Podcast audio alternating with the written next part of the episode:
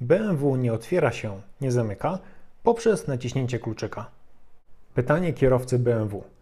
Nie mogę otworzyć lub zamknąć samochodu pilotem kluczyka. Wiem, że przyczyn może być sporo. Sprawdziłem pod spoilerem antenę Diversity i upewniłem się, że nie ma tam wilgoci. Moduł ten był wymieniany w roku 2014. Otworzyłem również sam kluczyk i sprawdzałem napięcie baterii. Wynosi ono około 3,2 V. Co może być przyczyną takich błędów? Problem dotyczył modelu BMW E61 serii 5, ale zdarza się również w innych modelach. Odpowiedź serwisu BM Cars. Problem nieotwierania, zamykania pojazdu z kluczyka może być spowodowany wieloma różnymi usterkami. Najczęściej dochodzi do uszkodzenia nadajnika w kluczyku.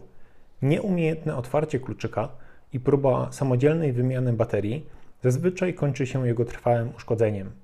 Baterie w kluczykach modelu E60 i E61 są niewymienne.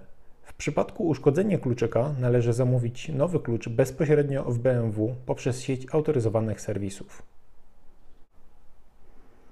Kolejną przyczyną opisywanych problemów może być brak komunikacji z pojazdem.